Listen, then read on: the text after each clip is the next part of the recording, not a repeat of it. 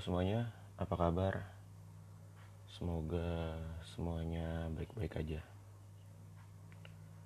Di kesempatan kali ini, gue pengen cerita tentang sebuah kejadian di sekolah gue. Lebih tepatnya sih di SMA gue. Buat kalian yang udah siap dengerin, enjoy.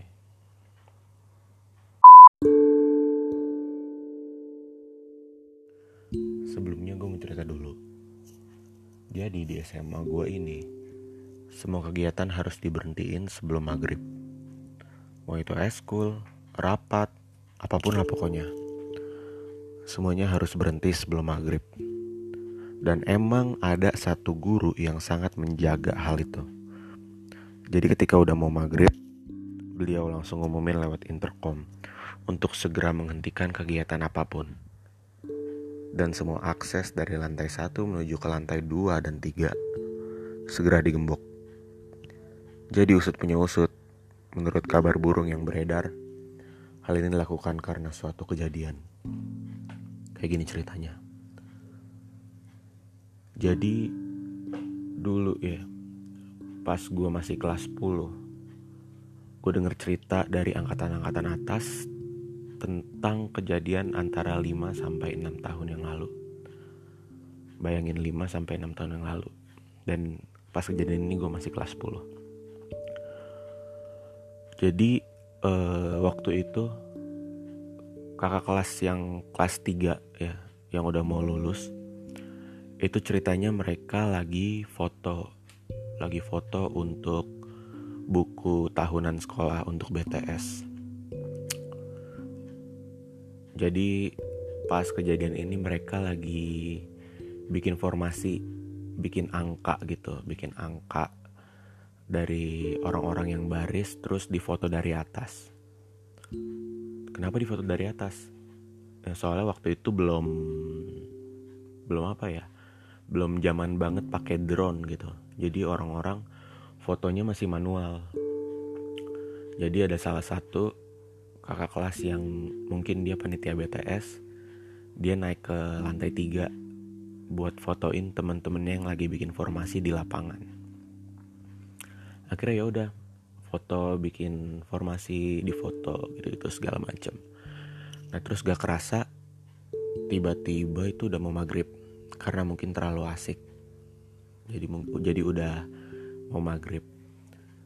Akhirnya salah satu temennya ini manggil lah.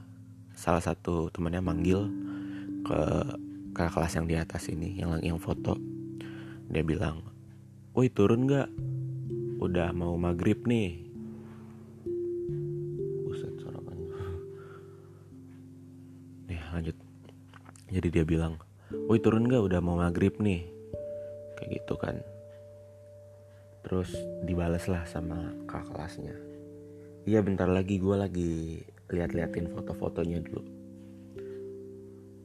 Cepetan udah mau maghrib gitu. Pokoknya kayak disuruh cepetan lah soalnya udah mau maghrib.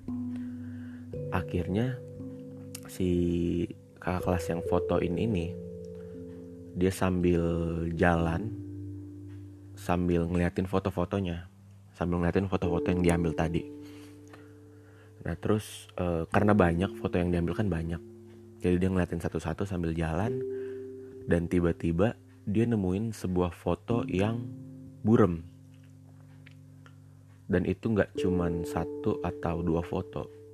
Ham, ya lumayan banyak lah foto yang burem. Dia bingung. Soalnya mode kamera yang dia pakai itu auto. Jadi kalau auto kan ya gue gue nggak terlalu ngerti kamera banget. Kalau yang gue tahu kalau auto itu kan dia kayak menyesuaikan ketika dia burem gitu lah Nah akhirnya karena dia ngeliat foto yang buram ini, akhirnya dia memutuskan untuk duduk. Jadi kan kalau di koridor sekolah itu kan ada bangku-bangku ya kan. Nah dia duduk di situ.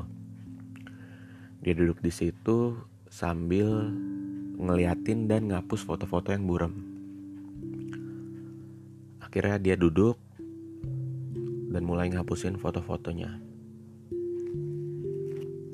Nah ketika dia lagi ngapusin foto-fotonya, dia ngeliat ada seseorang nggak seseorang deh sesosok lah ya.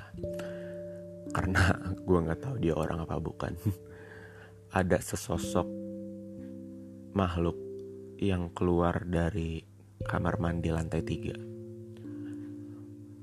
Jadi di sekolah gue ini bentuknya letter U. Kamar mandi itu ada di pojok kanan dari arah tangga.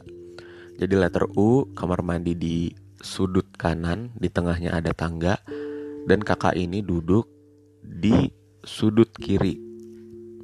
Nah jadi kayak mungkin kalian bisa ngebayangin lah. Jadi sudut kanan kamar mandi di tengah tangga kakak ini duduknya di sudut kiri.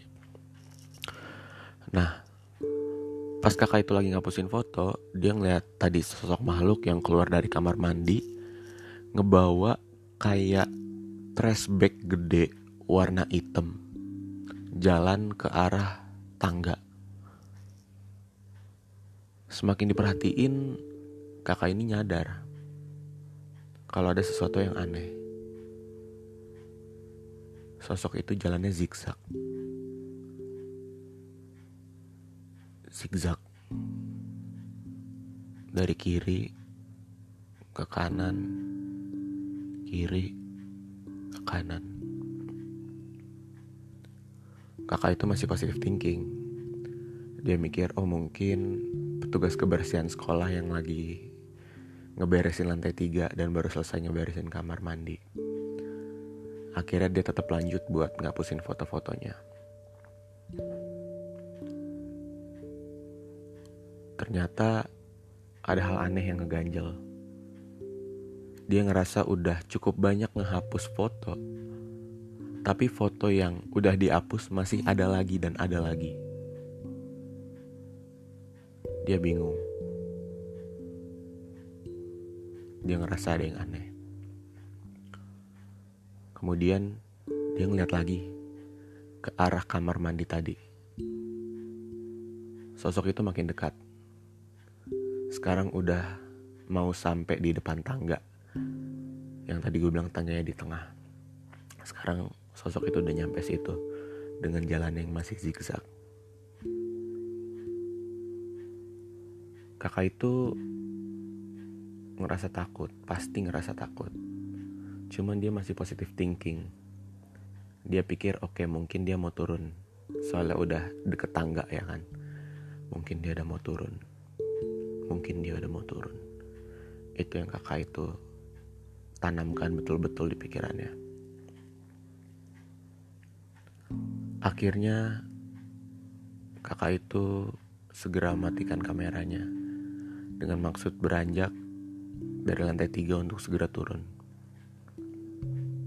Namun sialnya, ketika ia selesai mematikan kamera dan melihat ke depan, sosok itu udah ada di depan. Mengacungkan mukanya ke hadapan kakak itu dengan kondisi muka yang hancur, matanya bolong, tidak ada matanya.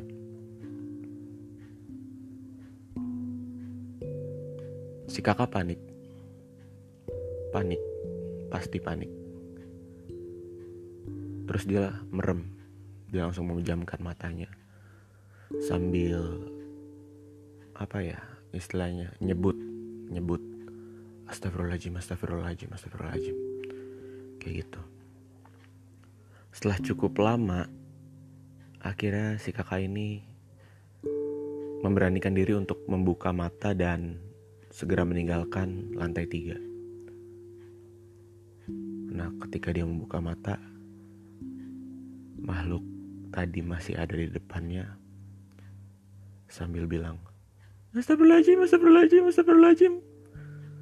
Sambil memiringkan kepalanya ke kiri dan ke kanan. Kakak itu teriak dan pingsan.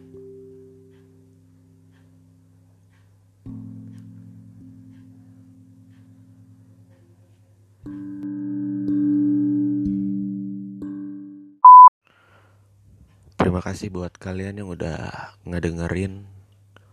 Semoga ya ceritanya cukup serem. Iyalah, kalau nggak serem nanti bukan podcast horor.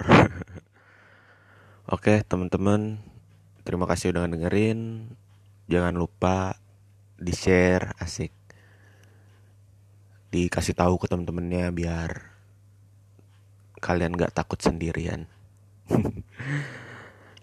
Thank you.